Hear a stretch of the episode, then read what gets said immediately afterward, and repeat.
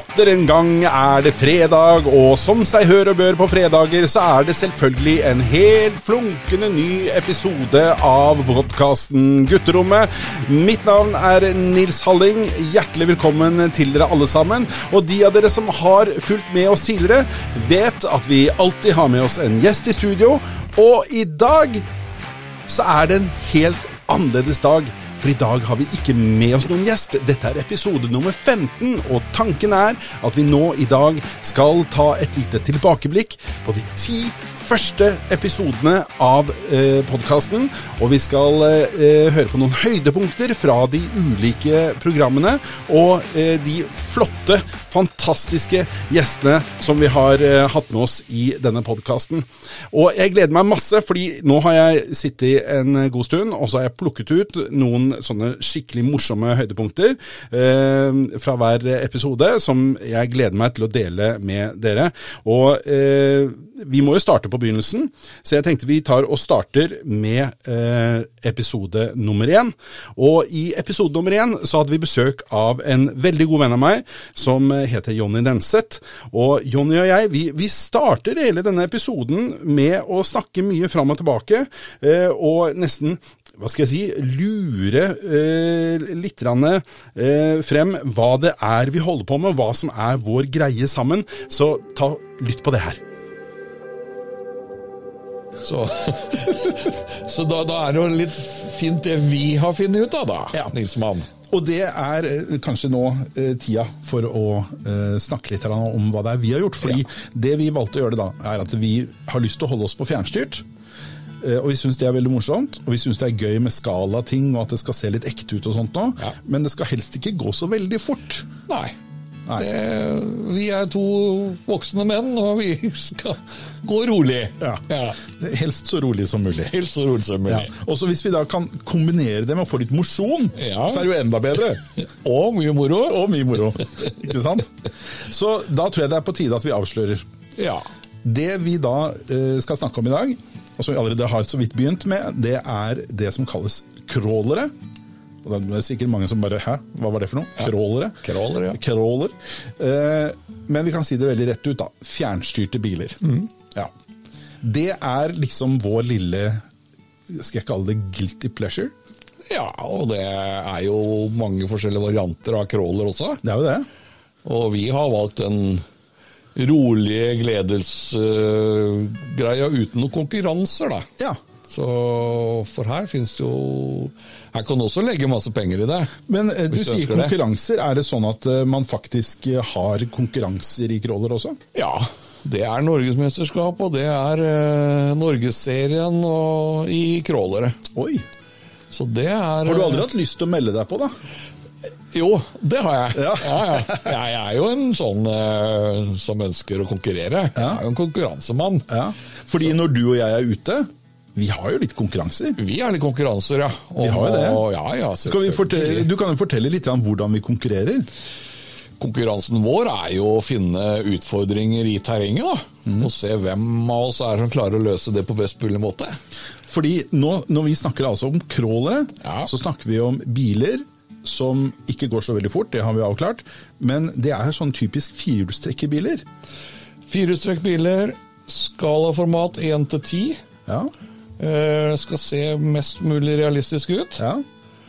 Uh, det, hvilke biler vi har, det kan vi jo komme tilbake til. Det kan vi komme tilbake til. Uh, når vi kjører konkurranser, da, eller de som driver konkurranser, de har jo litt overdimensjonerte biler. Ja.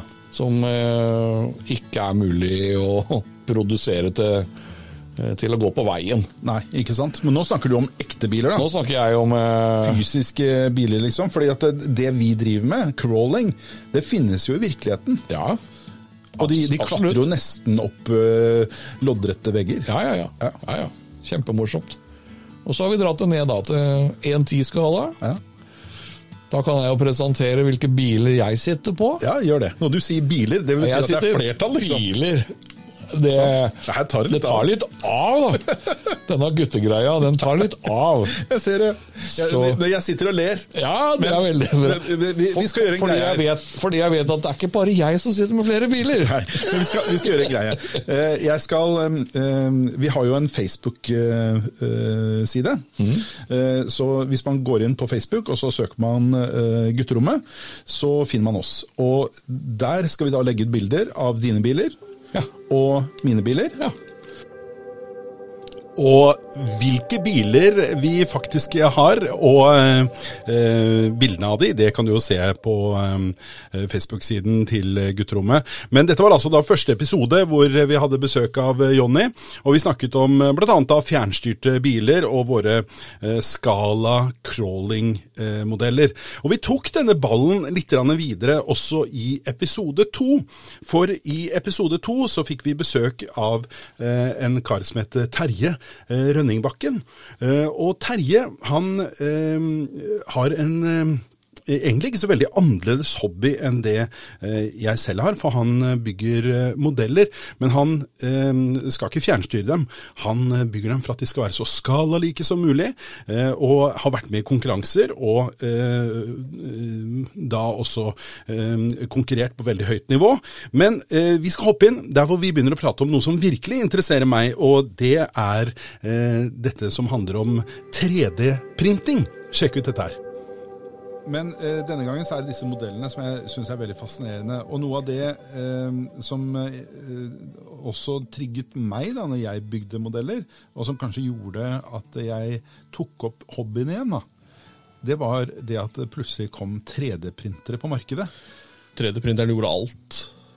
Og eh, for min del, så jeg prøver å være litt økonomisk, så jeg var jo ikke blant de første som kjøpte 3D-printer når de kosta sånn 30 000-40 000 kroner for en eh, dårlig 3D-printer. Nei, for ti års tid siden. Ikke sant? Den utviklingen har vært enorm. Ikke bare på kvaliteten på printerne, men også på eh, prisen. Ja. Sluttprisen. Og jeg er litt sånn Finn-dyr, da. Eh, Det er skjønt, det er du også. Du liker å handle litt på Finn. Ingenting er bedre enn Finn. Funn på Finn er best. Ikke sant? Det er best. Så ved siden av meg her nå så står min Flashforge. Yep. Eh, og det er, for de som eh, kjenner til det, et eh, merke som forhandles av Claes Olsson i Norge. Eh, og eh, etter, eh, etter min mening, da, litt sånn der en, enkel 3D-printer for oss som ikke ønsker å fikle så mye. En, hobby, en god hobbyprinter. Ja. Enkelt og greit. Fordi at jeg har ikke lyst til masse innstillinger og uh, sånt noe for å få det til å funke. Jeg vil gjerne at det bare skal funke, Ja. og det gjør det stort sett her. Men jeg kan helt sikkert få en som er både kjappere, mer nøyaktig og bedre på alle mulige vis. Ja, til og med Claes Olsson har jo oppgradert sine. Ikke sant? Så, eh, men for meg så funker dette til mitt lille bruk. Og det jeg har brukt det til primært, da, det er eh, for det første å printe deler jeg trenger til et eller annet. Ja. Så jeg hadde bl.a. en fjernkontroll hvor jeg hadde mistet eh, lokket til batteri, eh, batteriet. Kjent problematikk. Kjempeproblematikk. Eh, og så tenkte jeg som så, kan det være at noen har mistet det lokket før meg? Skal ikke se bort ifra det, i hvert fall. Og hvis det er noen som har mistet det før meg, kan det være at de da har gått inn på nettet og så har de lagt inn fila, for det er det som er med 3D-printere. Det er en liten designfil som Ja. inneholder all informasjon som printeren trenger å vite for å lage dette produktet. Kan det være at eh, noen har lagt den ut på nettet gratis, sånn at jeg kan hente den uten å betale en eneste krone for det? Og det var det. Det var det. Og det er noen få sånne sider, men den største av dem er den som heter Thingiverse. Jeg vet ikke om du har vært noe inne på den? Jeg har ikke vært inne på den. Fordi at eh, jeg betaler jo for noen av printene. Ja, du er, ja, det vil jeg tro kanskje for den hobbyen du har, så er det såpass spesielt. Ja. Men eh, på Thingiverse så ligger enorme mengder. altså Jeg har ikke peiling på hvor mange, men det er sikkert millioner av uh, sånne filer på ulike ting. Og der fant jeg selvfølgelig det lokket til den fjernkontrollen. Og fikk lasta ned det, printa det ut, smack, rett på plass. Der satt lokket. Null problem. Jeg har opplevd akkurat det samme, på, faktisk på den sida. Eh, Jeg kjøpte Eller kjøpte den ikke, jeg tok ut eh, fila til eh, batteriholderen på en Tamia RC-bil jeg hadde. Ja, For den er det mange som har mista. ja selvfølgelig. Den var gratis. Og da er det alltid noen som, eh, som har laget noe til det. Ja. Og vi kan jo avsløre en annen hobby som du og jeg deler, som er metallsøking. Ja. Og til og med der så får man printa ut alt mulig av rare deler til eh, detektorene sine og utstyr man bruker, og kjekt å ha ting og alt sånt, som man printer på printeren. Og det også har jeg gjort på min. Jeg har printa sånne ting. Det har jeg også gjort. Ikke sant? Så kjempesmart. Men så kommer da denne RC-hobbyen inn i bildet for min del. Ja. Eh, og mine modeller er jo da litt, som vi nevnte, større enn det dine er. Fordi mens dine er 1 til 24, så er mine 1 til 10. Eh, og en av de tingene som jeg virkelig ønsket meg da, til bilene mine, det var det å ha- en henger. Det er alltid kult. Alltid kult med henger. Så eh, jeg søkte litt, og så fant jeg et understell som jeg syntes var veldig fascinerende. Og den har jeg tatt med her. Så jeg Ja. tenkte jeg skulle vise deg også. Jeg skal ta og legge ut bildene så man får se. Men det understellet det syns jeg var så kult, fordi det har bladfjærer. Ja. Og ikke bare det, men den har også kulelager i jula, så de går veldig fint. Eh, så jeg printa ut den, skrudde det sammen, pussa ned, malte det alt mulig, og så snekra jeg et eh, plan i treverk. Og så måtte jeg ha et eller annet å ha oppi der, så da printa jeg ut tønner. Som jeg malte, satte på sånn Statoil og mobillogoer som jeg liksom lakka inn i dette her. Og lakka med mattlakk og liksom fikk det til å se litt ekte ut. Eh, la på litt forskjellige deler, et bildekk. Printa ut en motorsag med 3D-printer. ja, det er Ja. viktig det med motorsaga på tur. Det er Veldig viktig med motorsag på tur. I hvert fall på sånn tur dere er. Og så, eh, Jeg syns det er litt moro å bruke litt forskjellige materialer, ikke bare plastikk og 3D-print. Så eh, jeg dro på Biltema. Og på Biltema så har de eh, rørepinner eh, til å røre i maling. Sånne forholdsvis tynne. Ja. De er ca. 1 cm i bredde. Eh, en svær pakke med sånne rørepinner. Og de er jo helt perfekte som planker. Ikke sant? 1 til 10. Så det er kjempemorsomt. Så da lagde jeg bl.a. en sånn kasse som også står oppi eh, denne hengeren. Og så kjøpte jeg i front her, så ser du det er en eh, sånn eh, feste som jeg kjøpte på AliExpress. Mm, et drag. Eh, drag, ja. Og så er det selvfølgelig en ledning. Og den ledningen den går da til baklys. Tilbakelysa. Ja. Og så ser jeg til og med har registreringsnummer på den. Og eh, det var eh, veldig veldig artig å ha besøk av eh, Terje. Og få snakke litt om disse modellene som Terje bygger. Og prate litt om hvordan vi begge drar nytte av dette med 3D-printing. Så en spennende episode som jeg absolutt vil anbefale. Episode nummer to. Men så, i episode nummer tre, så skulle vi snakke om en annen spennende interesse, og det var fotografering. Men det kommer alltid noen sånne digresjoner inn i eh, disse eh, episodene eh, i forhold til eh, ting som man snakker om, og, eh, og ting som eh, ja, interesserer også våre gjester. Og den gjesten vi hadde med oss i episode tre, det var Edgar Lås Larsen. Lås fordi han er låssmed, så tok han navnet Lås. Men Edgar, han endte opp etter militærtjenesten eh, i eh, det som da het eh, Politireserven. Og jeg tenkte vi skulle hoppe rett inn der, og så skal vi høre litt hvordan det ble til at han havnet i Politireserven. Hør på det her. Jeg jobba da som vekter den gangen, etter militæret. Ja. Så jeg søkte om det. Men så hadde jeg også en politimann som sjef. Som han har vært inne i bildet der, det tør jeg ikke helt å svare på, men den vet du aldri. Vet du aldri. Og da fikk jeg plutselig brev i posten at eh, jeg var tatt inn i politireserven. Da kjente jeg hjertet dunka litt, for at det er ikke så ofte du får brev i posten med det står politiet på. tenkte jeg, har jeg kjørt for fort? Jeg hadde blitt så nervøs. Så da, fra 97, tror jeg det var, da var jeg med i politireserven, og helt til de la ned nå for tre-fire år siden. Så det eksisterer ikke lenger? Nei. Nei, for jeg var i Heimevernet. Ja. Nå er jeg altfor gammel til å være i Heimevernet, men eh, det eksisterer jo fremdeles. Ja, eh, når de la ned det, så fikk alle som var med i politireserven Jeg tror vi er Jeg tror vi var 80 000, tror jeg, Såpass, ja. i hele Norge som var med. Mest her nede på Sørlandet, eller Østlandet. Eh, Da fikk alle en lapp at vi ble ikke overført til Sivilforsvaret eller Heimevernet. Takk for en god tjeneste. ja. Og da var det jo Ferdig. Ferdig. Så det blei eh, fire øvelser, tror jeg det var. Ja, fire stykker. Ja. Og det var litt moro, for da var du én uke Første gangen så var vi 14 dager i Stavern. Og det her var På da- politiskolen? På politiskolen, ja. ja. Yes, så gøy. Ja da, så jeg har uh, såkalt politiutdannelse. Fjor, Oi, oi, oi. 14 dager. Hadde du uniform også? Ja da. Politiuniform? Ja. Nei, så gøy. Og de sa det at eh, Vi fikk jo ikke noe politibevis. Nei. Men uh, har du Du på deg hadde du batong? Nei, nei. Jeg hadde nøkler. Nei, eh, så lenge du hadde på deg politiuniformen, så er det uh, Hva heter det? Eh, da hadde du politimyndighet. Ja. Begrenset, da, selvfølgelig. Mm. Du kunne jo ikke gjøre hva du ville. Men du kunne arrestere? Eh, nei. Nei. Eh, politires politireservens oppgave er VIP-tjeneste. Eh, områdes- eller objektsikring. Eh, og VIP-tjeneste, tenkte jeg jøss, skal, vi, skal en politireserve som har vært inne i 14 dager, passe på kongen? Eh, nei. Så hva den VIP-tjenesten var inne for, det fikk vi aldri liksom helt skjønt hvorfor. Men objektsikring, da. Altså passe på et objekt. Ja. Eh, Men så var det jo det at under OL på Lillehammer, så blei jo vanlig politimannen brukt. Og da måtte politireserven inn og gjøre deres tjeneste. ja, ikke sant. Så at hvis du kom på en trafikkulykke da, så liksom hm, Hva skal jeg gjøre nå? Da visste du ikke så mye, for du hadde jo bare litt blitt opplært til å stoppe en bil og sperre om vognkort og førerkort.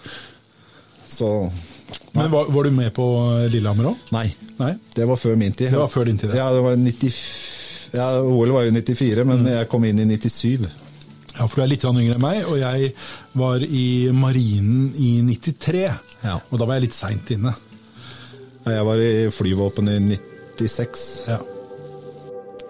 Og eh, hvordan episoden med Edgar eh, er, det må du nesten høre i episode tre. Men det jeg kan si, da, er hvis du har litt til interesse for eh, bl.a. Eh, fotografering, så er eh, dette den perfekte episoden for deg. Eh, fordi han gir mange eh, veldig gode tips om hvordan du kan eh, ja, ta eh, gode bilder. Eh, Vi beveger oss videre. Vi er kommet til episode fire, og gjesten i episode fire er en utrolig fascinerende fyr som heter Espen Solum. Og eh, Espen, han eh, har en lang karriere bak seg eh, innenfor norsk eh, teater eh, og kulturliv. Eh, Han har faktisk også vært med og eh, i tidlig fase var med å starte Blitz eh, i Oslo, eh, for de som kjenner til eh, hva det er. Men eh, vi skal hoppe inn ganske tidlig i eh, denne episode fire med Espen Solum, hvor Espen eh, blir utfordra litt fordi at han startet sin karriere som, eh, ja, kanskje vi kan si det, eh, som barnestjerne. La oss eh, høre litt på eh, hva det var. Espen, jeg introduserte deg som barneskuespiller. Ja, alt er relativt, men ja, jeg har vært på, på lerretet, ja. Og vet du hva, det, eh, jeg syns jo det er ufattelig gøy å tenke på at du faktisk har spilt i en av mine barndoms, store barndomsfilmer. Eh, En film som jeg har elsket siden jeg var liten guttunge og så den på kino aller første gangen. Og den filmen er ingenting annet enn Reisen til julestjernen. Den originale, den første. Der spilte du. Jeg husker ikke så veldig mye fra det. Jeg var vel eh, seks eller syv år, men eh, Men eh, det var jo min halvbror som hadde regien på den. Ikke sant? Og ja, det var jo å fylle gatene da, med barn som løp rundt i gatene og Jeg tror jeg vet hvem jeg er når jeg ser den. Men det er litt vanskelig å definere. Hvor gammel var du, tror du? Sju år. Sju år? Ja. Seks eller sju år. Husker dere hvor dere var når dere gjorde det opptaket? Nei. Nei. Men jeg tipper jo eh, at dette her var på Akershus festning. Det kan godt hende. Ja, jeg tror det, for jeg tror de scenene fra eh, Borggården og dette Ja, jo, det er det. Det er er filmet på Akershus festning. Det er sant. Ja. Jeg tror det meste ellers i, av den filmen var på norsk film. Ja. Det var i hvert fall der min halvbror jobbet mest. ja. Og din halvbror, hvem var det? Eh, Han het Ola Solum. Ola Solum, ja. Ikke en ukjent personlighet i norsk film. Nei, han var, eh, var fra min fars første ekteskap, 22 år eldre enn meg. Og ja, gjennom ungdomsårene så var jo han min store helt. Det var den veien jeg ville gå. Så han preget deg litt da, i forhold til uh, din uh, livsvei? Eh, ja, kan du si.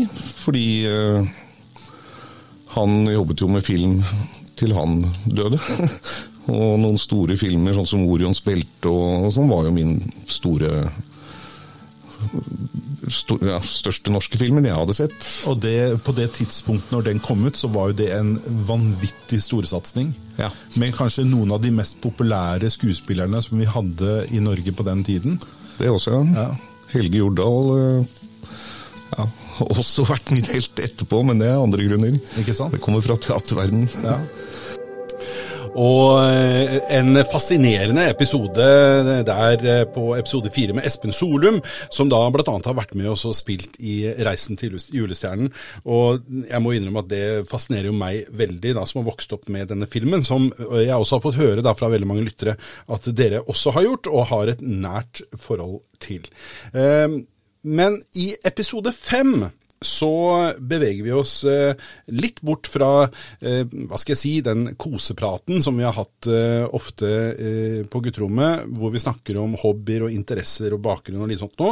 Og så beveger vi oss litt mer over på politikken og litt mer over på verdenssituasjonen, fordi vi får besøk av Arnstein Tranøy, som er eh, primus motor for Ukraina-hjelpen, og som eh, eh, lever og ånder for å bidra eh, til fred i Ukraina og bedre forholdene for de sivile som bor der nede. Eh, men vi eh, hopper rett inn i episoden, og så skal vi høre litt hvordan han ser på den langsiktige planen til Russland i Ukraina. Baltiske landene, hele eh, alle tre. Eh, grensa deres mot Russland, der bor det masse russiskætta. Og de ble flytta inn av Sovjetunionen. Og så flytta de bare ut til lokalet. Men tenker du at dette er, eh, har vært Russlands måte å prøve å infiltrere Ukraina for å få det tilbake, eller har det vært eh, en annen Ja, agenda? det, det er russifisering. Russifisering, ja. Ja, det er noe man dreper. dreper. Altså.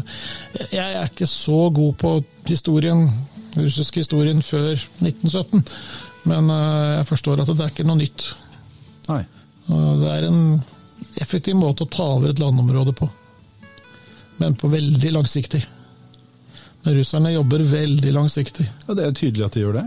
Det, hvis folk tror at, at de tenker til nesetippen, så tar de fryktelig feil. De har aldri drevet med det, de har alltid tenkt veldig langt. Men hva tror du drev Putin til den invasjonen som vi så for et år siden? Jeg er såpass opplyst om det temaet at jeg kan si med sikkerhet at det vet jeg ikke. Det er, det er eh, Jeg så en veldig god eh, eh, kommentar på det her i går, på en YouTube-kanal. Nå står det helt stille for meg. Er per, Perun heter fyren. Han, er fra, han bor i Australia. Okay. Ekstremt god på sine analyser av, av Ukraina-krigen. Ingen vet hvordan han ser ut. Han er den eneste YouTube-kanalen jeg vet om hvor han ikke viser ansiktet. Som han sier, det har ingenting med han å gjøre. Det er hans analyser av situasjonen som er interessante. Han lager én time lange YouTube eh, powerpoints-presentasjoner, kaller de det. Og eh, Han sa rett og slett at eh, Putin invaderte pga. han har ja-mennesker rundt seg som fortalte Putin hva han ville høre. Og De fortalte han at det her kommer til å bli ikke noe problem. Det er tre dager. Så er Ukraina kommer til å ønske oss velkommen. Han har sannsynligvis trodd på det. For jeg mener De militære visste vel sannsynligvis at det her kom til å gå til helvete. Men det er jo ingen som tør å si imot. De har jo systemer du ikke kan snakke imot. Så det er ikke plass hvis du, har, hvis du snakker imot systemet, så blir du bare, blir bare bytta ut. Så kommer det et ja-menneske istedenfor. Og hele systemet fra korporalen og opp til generalen på toppen er eh, av den typen der. Men hva var det som gjorde at du, du fattet interesse for Ukraina da, i sin tid? Kvinnfolk. Oi. Nato-kurs i 2002. Da jeg var på beredskapskontrakt eh, med Simic sivilt-militært samarbeid, egen liten avdeling på 24 mann, meget spesialisert, og det var en egen eh, greie innenfor Nato den gangen. Jeg vet ikke om de fins lenger engang. Eh, og som en del av opplæringa, ingen av oss hadde noe opplæring i det her, så vi måtte på kurs. Og vi var på kurs i Danmark, Nato-kurs med folk fra hele Nato, pluss ukrainere. Ja. Eh, Det var en ukrainsk offiserer, de snakka ikke et kløyve ord engelsk, så hva de hadde der å gjøre, var ingen som skjønte. for De klarte ikke å følge med, men de hadde med seg en tolk, da. Hun eh, rota jeg med da i to og et halvt år etterpå. Så det var hyggelig. Eh, Jeg opplevde at hun var faktisk bedre i engelsk enn meg, hvilket var veldig irriterende. Og eh, Arnstein Tranøy han er fortsatt eh, aktiv, og du kan fortsatt eh, støtte organisasjonen hans. Det kan du. Finne ut mer om det både på Facebook-siden vår og på episode nummer fem med Arnstein Tranøy som ja, diskuterer Ukraina-situasjonen med oss. Og det jeg kan love, da, er Jeg har snakket med Arnstein eh, før eh, innspillingen av denne podkasten i dag, eh, hvor vi har blitt enige om at vi skal ta en oppfølging, og vi skal se nærmere på hvordan situasjonen er i Ukraina nå, og hvilke tanker han har gjort seg rundt det. Og Hvis du nå er blant de som nettopp har kommet inn i dette og, eh, og eh, lytter på eh, gutterommet, så kan jeg si det at eh, i dag så er det episode nummer 15, og vi feirer eh, episode nummer 15 med et tilbakeblikk på de ti første episodene av eh, Gutterommet, og hvor vi da har eh, med oss eh, noen spennende klipp fra de ulike episodene. Så vi skal bevege oss videre nå til episode nummer seks. Og episode nummer seks er jo et ytterpunkt i forhold til episode nummer fem med Arnstein og alvorligheten rundt Ukraina-krigen. For i episode nummer seks så eh, er vi over på humor, og vi har besøk av Hans-Jørgen eh, van Rienbach, som er en lokal humorist eh, i Vestfold-området. Og Hans-Jørgen han eh, har sammen med sine kompanjonger i noen år kjørt noe som heter Guttas kveld, et sommershow i Sandefjord. Og vi skal hoppe rett inn der hvor han forteller om da de inviterte Norges største bankraner som gjest i Guttas kveld. Eh, Vi hadde et show hvor vi hadde med Norges største bankraner. Som gjest? ja. Det, det var jo noe som vi snakka litt om på hvordan vi skulle gjøre det. Ja. For der er det jo noen som har opplevd han som i dag også kanskje føler på det, da. Når han hadde sitt virke som bankraner.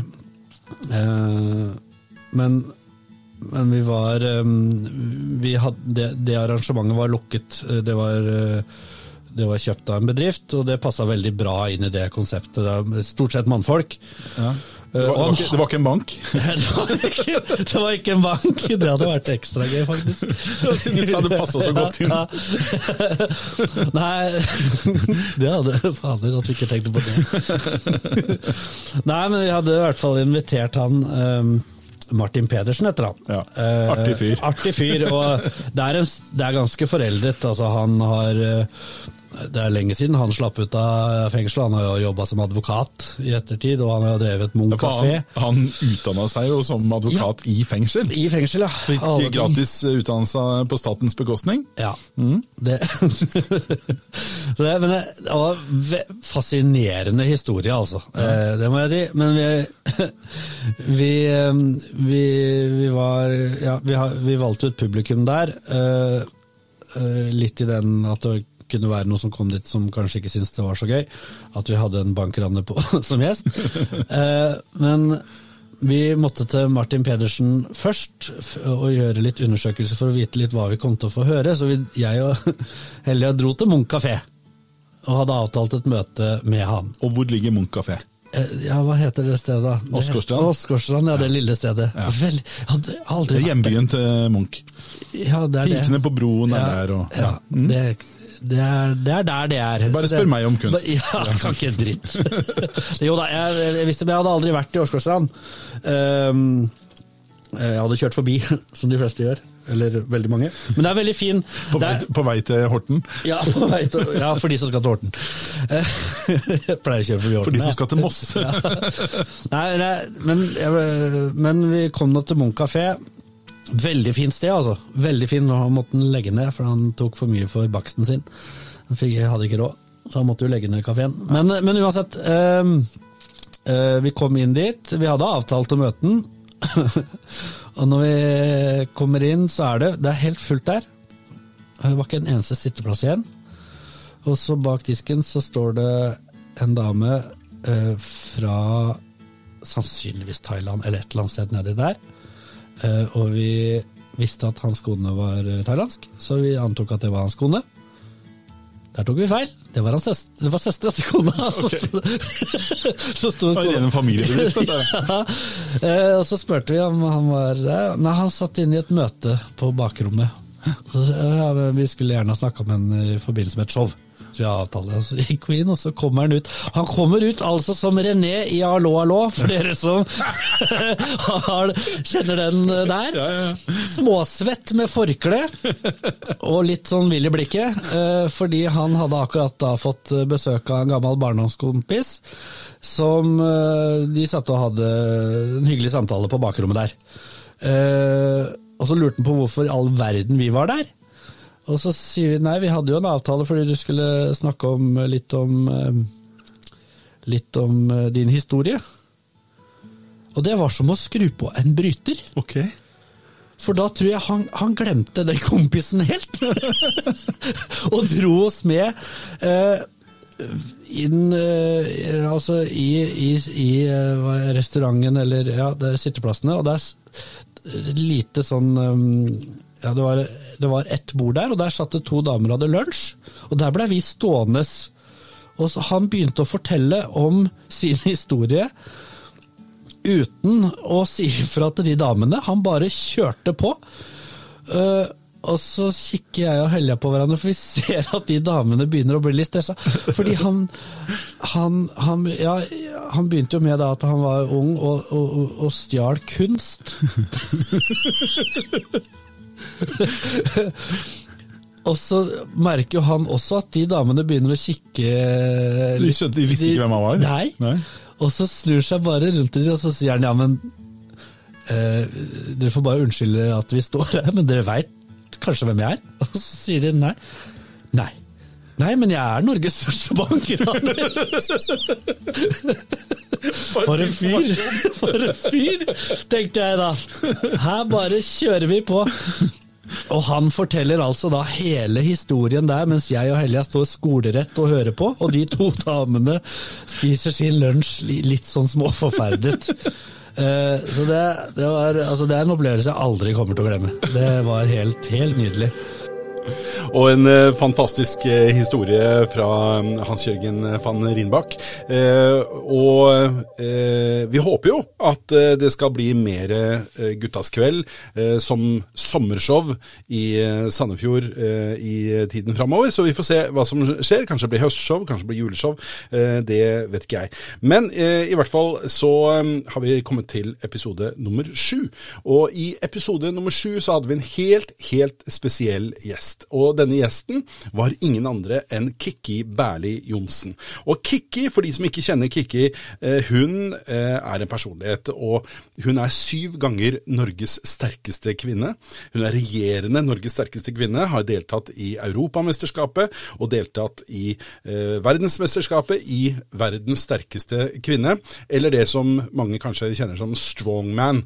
Eh, så vi skal hoppe rett inn i eh, praten med Kik- Kikki fra episode sju eh, av Gutterommet, hvor eh, Kikki snakker litt om dette med trening og det å konkurrere på absolutt toppnivå.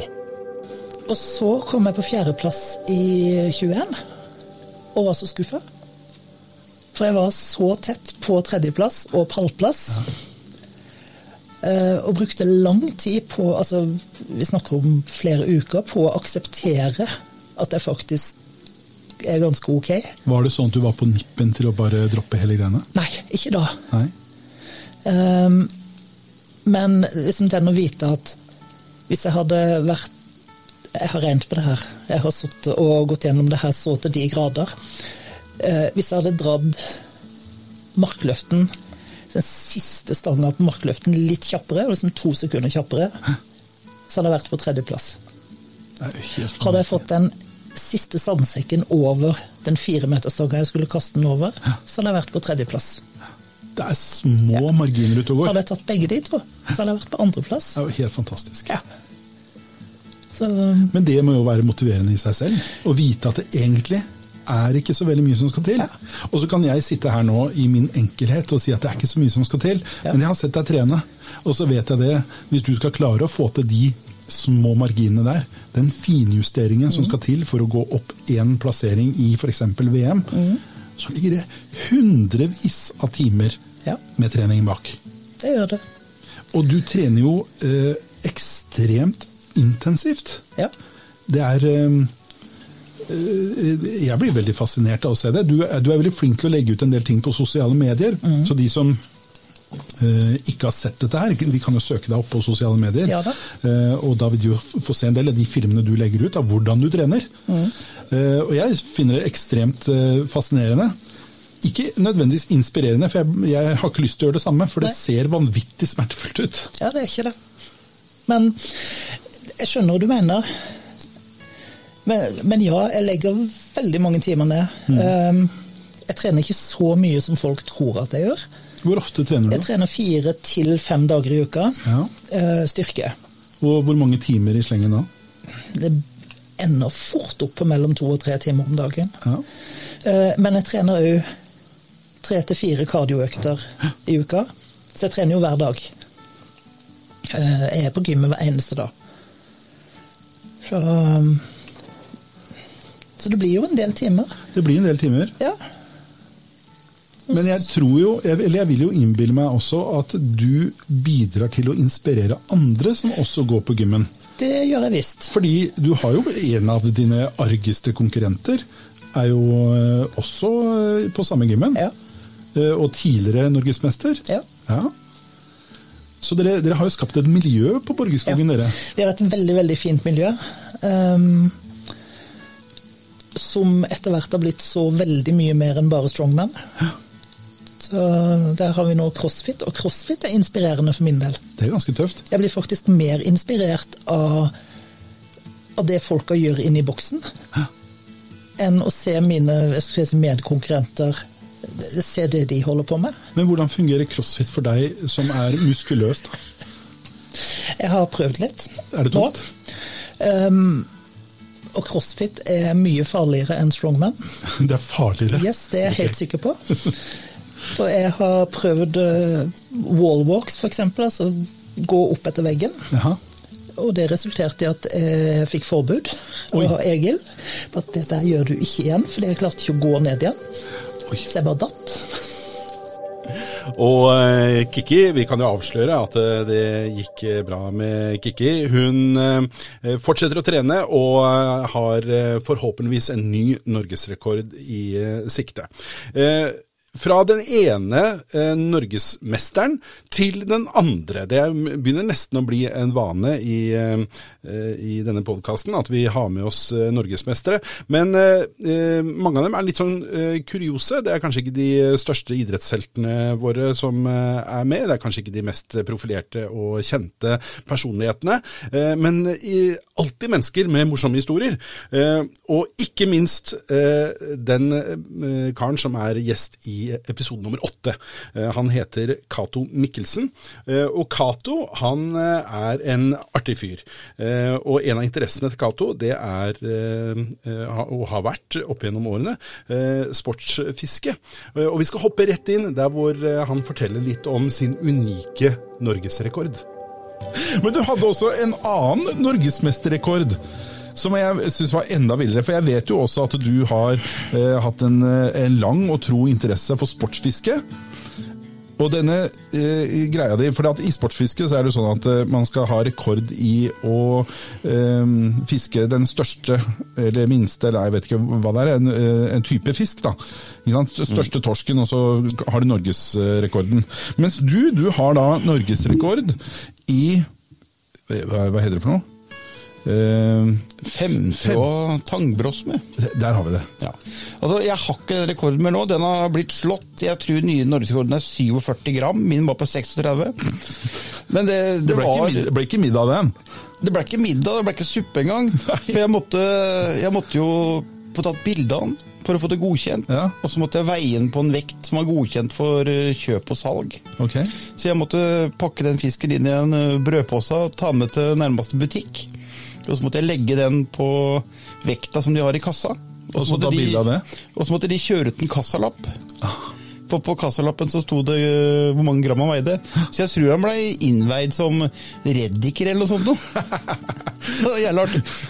Men, men hva, hva er det som skjer når du har en rekord i et fiskeslag? Og det var ikke store greia, da. Nei da, det, da måtte jeg da Det var da Villmarksliv eller Jakt og fiske, tror jeg, som hadde det. Jeg husker ikke helt.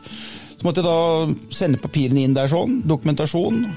Og så registrerte de da det som norgesrekord, for det var ikke fanga da større fisk på sportsfiskeutstyr enn den lille min på 36 gram. Men gikk du spesifikt for den fisken? Nei da, jeg fiska bare Det var på fisketur. Og så Så var bare tilfeldig, Du kunne like gjerne fått en eh, lange, liksom? Ja, ja, ja. Ja. Nei, kanskje ikke lange, det var ganske grunt, det var ikke med en 8-10 meter. Men jeg var på fisketur, og så så jeg en fisk jeg aldri hadde sett før. Og da, Jeg er ganske nysgjerrig av meg, så jeg måtte da bla i fiskeboka, og da fant jeg den. Og Da var jeg glad for at jeg tatt vare på den. Ja. For da var jeg sportsfisker og var opptatt av å ha merke på fiskevesten min og fiskecapsen. Men det må jo være liksom blant uh, de råeste ting man kan oppleve som sportsfisker, å er- kunne ta en sånn type rekord. Ja da, ja da. Og det viktige var også at eh, det var egentlig også verdensrekord. Wow. Men da måtte jeg registrere den til noe som heter IGFA. International eh, Game Fishing Association. Ok, Ja. Og det vil du ikke? Nei, det så, var så mye hessel. Det var så mye papir å gjøre, og du skulle ha ti vitner, og nesten kongen i statsråd skulle godkjenne ikke sant. Så da, det, det, det ble det ikke noe av. Det blir ikke noe. Så, men det var en tid som jeg drev veldig mye med fiske. Fiska laks og i lågen. Jeg drev med konkurransefiske som havfiske.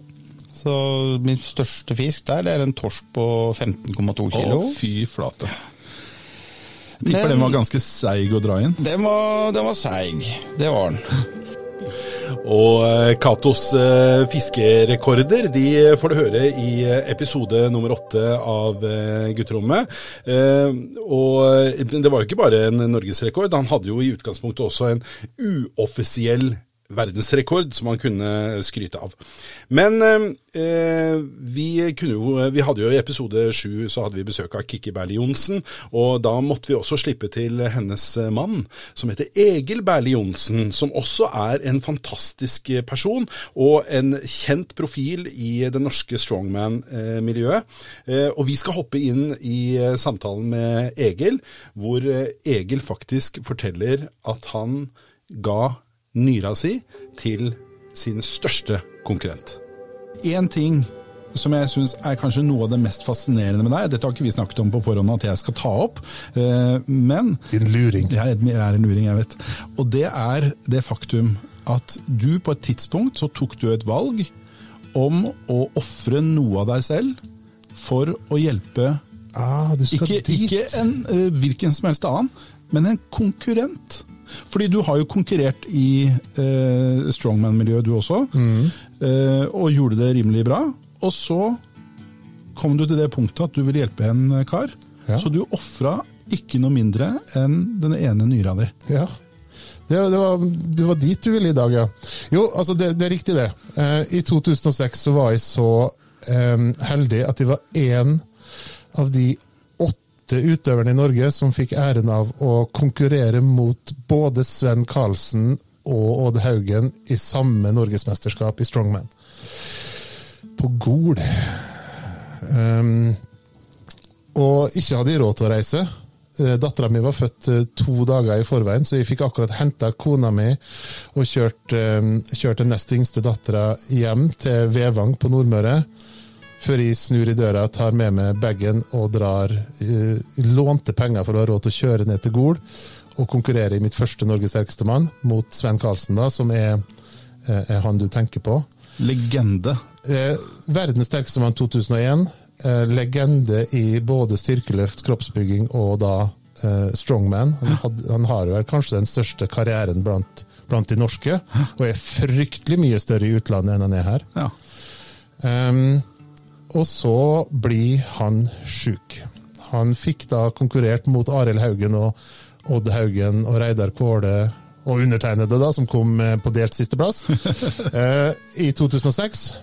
Og i november 2007, da jeg og kona mi og Per Gunnar Roald Kvam eh, og Øystein Selius og gjengen og Bernhard og alle arrangerte EM i strongman oppe på Melhus, så kommer Sven opp for å være kom frem-sier, som heter. Han sier hvem som skal komme frem. Ja. Og så ser du at det er Det er ikke samme spensten i mannen. Så viser det seg han at, at han har fått nyresvikt. Det er jo grusomt. Ja, og han blir, nær- han blir sjukere og sjukere. En mann på 150 kilo med en fryktelig tøff og har eh, idrettskarriere bak seg. Um, det har vært garantert eh, røft kjør med, med reising og drikking og løfting og trening. En, en kropp som virkelig har fått gjennomgå. Går rett i en, en Jeg tror han fikk en forgiftning i begge nyrene. Um, så han blir fryktelig sjuk, og ender til slutt opp i denne prosessen her, da, etter november 2007, ender opp med å, å bli så full av vann at han får ikke puste. Han må sove sittende. Er på donasjonsliste. Kona er fortvilt, vi vennene er fortvilt. På dette tidspunktet så går jeg på fengselsskolen inne, um, inne i Oslo. Jeg går på KRUS, som det heter. Kriminalomsorgens utdanningssenter. Og tilbringer da helgene mine nede hos Sven og Lene, både fordi det var praktisk for meg å av og til være der, istedenfor å kjøre ti timer hjem til Møre, men også fordi at han var på det stadiet han var i sykdommen. Um, og så prøver de å finne levende donor. Og så matcher søstera hans, men hun får ikke lov fordi um, hun begynte å bli for voksen, og det var ikke helsemessig forsvarlig. Så tar jeg og kona til Sven og kontakter nefrologen til, til Sven. Nefrologen er jo da nyrespesialist. Eh, og får sjekka min blodtype og vev, og så viser det seg at det er match. Det er jo helt fantastisk. Så vi gikk bak ryggen hans for ikke vi hadde noe falskt håp. Så fikk jeg permisjon fra, fra fengselsskolen. Og så drar vi på Riksen. Eh, og jeg er jo spenstig i steget og ung og sterk og frisk, og han er sjuk. Skikkelig sjuk. Han er gulgrå. Og det, han har ikke, har ikke problemer med levra. Sprek lever, Ja. ikke spreke nyrer. Nei. Så eh, de opererte oss på, på, på Riksen, jeg tror det var i februar eller noe sånt. Eh, uansett. Um, så våkner jeg opp etter operasjon. Um, full head of black hair, svart skjegg. Like stor som før operasjon, bare 800 gram eh, eller noe sånt. En halv kilo lettere. Halv kilo lettere. Og så sjuk. Ja, var du dårlig? Og så jævlig. Jeg vet ikke hvor mange timer det går, men så kommer det en spreking med Krokstadelva-dialekt inn på rommet mitt og spør om jeg skal bli med ut og trille en tur. Så han hadde da gått ned 13 kilo i vann på de første tolv timene av å ha ny nyre i kroppen. Kirurgene fortalte det at når de sydde på For nyrene gang. Nyrene filtrerer jo blodet Ja. og lager urin. Ja. Det er jo ingenting fra magen som går ut i urinen. Nei. Det er jo fra blodet det går ut i urinen. Og Kirurgen fortalte at da de sydde på blodåra inn på nyre, i toppen av nyra, så begynte det å piple urin i bunnen av nyre med en gang. Bra. Så han gikk ned 13 liter vann på 12 timer. Eh, og han var frisk og rask og trilla med rundt på Rikshospitalet mens jeg var i rullestol og var sint, sur og så sjuk. Og det er en eh, helt eh, fantastisk eh, historie fra Egil Berle Johnsen, og viser litt hvor stor idrettsmann han egentlig er, når han ofrer da sin egen nyre til sin konkurrent, men også selvfølgelig en av sine absolutt beste venner. Vi begynner å nærme oss slutten av denne, hva skal jeg si, kavalkaden over de ti første episodene av Gutterommet. Dette er episode nummer 15. Eh, neste uke så kommer det en helt vanlig episode hvor vi skal ha en helt fantastisk eh, gjest, og jeg håper og tror at det blir, eh, hvis alt går som planlagt, så blir det en episode som kommer til å glede veldig, veldig mange. Men vi har fortsatt da én episode til vi skal ta tak i, og det er episode nummer ti. Den siste av disse episodene i denne kavalkaden. Og dette var da rundt påsketider. Eh, og det var eh, tid for ørretfiske for de som er glad i sjøørret og fiske etter sjøørret. Og da hadde vi ingen hvem som helst til å fortelle litt eh, rundt dette. Vi hadde eh, en av de fremste i regionen som heter Jon Syrist. Og Jon han eh, går rett inn i kjernen av det hele og forteller eh, rett ut hva som skal til for å fange de store sjøørretene. Vet du, Det er jo utrolig fascinerende, fordi eh, ikke nok på at man skal ha litt kunnskap om selve fiskingen og teknikken rundt fiske, men man må jo også eh, kunne litt om eh, næringskjeden. Det er veldig fint å lese opp litt på, på, på, hva fisken spiser, og vite litt om årstiden og hva som faktisk rører seg i tang og tare, og, og hvor de finner dem hen. Hva med børstemark? Børstemark er jo en, eh, en kjempebyttedyr for eh, sjøørreten.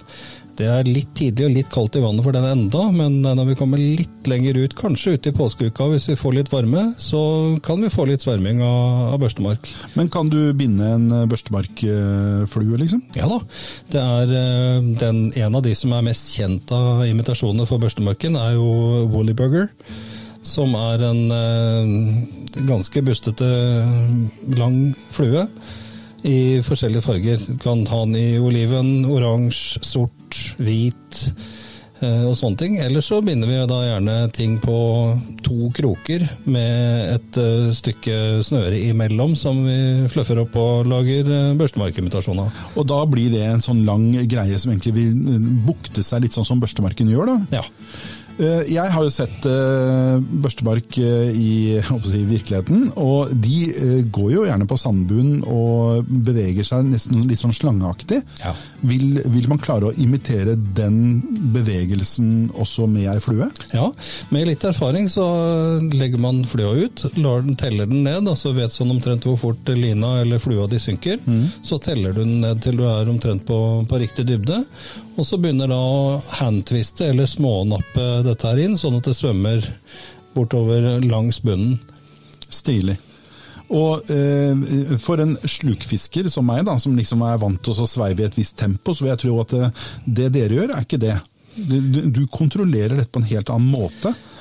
Det er det som er fordelen med å fiske med, med imitasjoner. Altså Vi kaller dette fluefiske, men det, det, er jo egentlig et imitasjonsfiske hvor vi imiterer byttedyrene til eh, fisken. Ja. Um, og um, en, en uh, flue i, med fjær, hår og sånne ting blir jo da mye mer livaktig i vannet enn det en sluk eller wobbler blir. Det som er muligheten for de som kanskje ikke enda har fått kunnskapen om hvordan fiske med flue og kaste med lina som kastevekt. De kan jo også bruke en slukstang og en bombardadupp. Og en rigg på det hvor de da har eh, duppen og en fortom og en flue i enden av den. Okay. Og kaster ut og sveiver inn. Uh, selvfølgelig da ikke sveiver bare direkte inn, men tenker litt på hvordan er det dette dyret som jeg har i enden av snøret mitt, hvordan er det det egentlig oppfører seg? Kanskje smånappe litt, rykke litt, stoppe litt, spinnstopp sånn at det synker litt.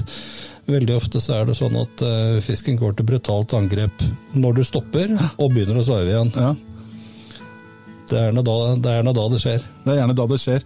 Men eh, jeg vil jo tro nå at eh, mange eh, tenker at eh, ok, nå snakker de om å binde fluer og lage alt det der sjøl og alt mulig sånt nå. Hvis man er helt nybegynner, hva, hva gjør man? Hvor starter man? Eh, starter, det aller lureste hvis man skal begynne med fluefiske eller imitasjonsfiske, er eh, se om man kan finne et kurs i nærheten, mm -hmm. og gå et kurs. Snakker vi da kurs i hvordan du fisker med flue, eller vi, kan man få kurs i hvordan man binder fluer òg? Det også. Ja. Vi har I uh, Jeger og Fisk har vi nå akkurat avsluttet et åttekvelders fluebindekurs. Okay. Og jeg skal ha et igjen nå til høsten. Mm. Hvor, hvor, vi skal gå Da blir det kanskje litt mer fokus på på Innlandet og, og, og tørrfluer. Mm men også noe streamere, og vil også da, etter, etter hvilken interesse elevene har, om de vil ha med noe sjøørretfluer. Så øh, hva er øh, forskjellen da, på innlandsflue kontra en sjøørretflue? Jeg skjønner at sjøørretfluen kanskje er øh, ting som er under vann, da. Ja, altså når vi fisker sjøørret, så fisker vi jo med, da med, med sjødyr og, og sånt, og kanskje ikke Som reker. insekter. Som reker. Eh, tanglopper, eh, børstemark som du var inne på. Eh, du kan jo også fiske torsk, selv om det er litt eh, iffy akkurat på vår del av kysten, i og med at den er fredet. Men da kan du også binde imitasjoner av krabber som du drar bortover langs bånd. Så det er bare fantasien som setter grenser. Og det er absolutt eh, bare fantasien som eh, setter eh, grenser, sa Jon Syrist, som var da gjesten vår i episode 10 av Gutterommet. Vi har hatt en liten kavalkade i, denne episode 15, eh, hvor vi har gått gjennom de ti første episodene av podkasten. Og for de av dere som da har fulgt med oss tidligere, så vet dere at hver gjest som er med oss, får også en utfordring. Og denne utfordringen det er da basert på et genispill som eh, kom i eh, år 2000. Og de spørsmålskortene som ligger der. Så hver gjest får mulighet til å trekke to kort, som til sammen utgjør eh, så meget som tolv spørsmål. Og disse tolv spørsmålene stiller vi da gjesten, og de får muligheten til å svare på dem. Og eh, de får rett eller galt på svaret sitt. Eh, og da, ut ifra det, så har vi laget en eh, Vi kaller det Gutterommets Hall of Fame. Og der har vi delt førsteplass på toppen, eh, så jeg tenkte vi skulle avsløre nå, for de som ikke husker det eller har fått med seg, hvem som ligger på topp. Og eh, vi kan ta med oss tredjeplassen også når vi først er i gang. Men helt på toppen eh, der har vi to personer, og det er to personer som vi begge har hørt fra i denne lille kavalkaden vår. Det er Hans Jørgen, som har fått seks poeng, og det er Egil eh, Berle Johnsen, som har fått eh, seks poeng. Så begge disse to de leder da eh, Gutterommets Hall of Fame og Gutteromquizen eh, med henholdsvis seks poeng eh, på delt førsteplass. Men så har vi også en tredjeplass eh, som eh, fortjener eh, hederlig omtale, og det er ingen andre enn Arnstein Tranøy som eh, har den. Arnstein klarte fem poeng, og jeg syns det er ganske godt gjort eh, av eh, dem alle sammen. Og det, det er flere her. Vi har fire poeng på delt eh, plass, og vi har tre poeng på delt plass, og vi har to poeng på delt plass, osv. Alle sammen har gjort det veldig bra, og de eh, fortjener jo alle sammen honnør og applaus for å klare å svare på disse spørsmålene som Mange sier til meg at det er altfor, altfor vanskelig. Noen har til og med sagt at eh, vi er nødt til å plukke ut de enkleste spørsmålene, men jeg tenker da forsvinner noe av moroa med dette her.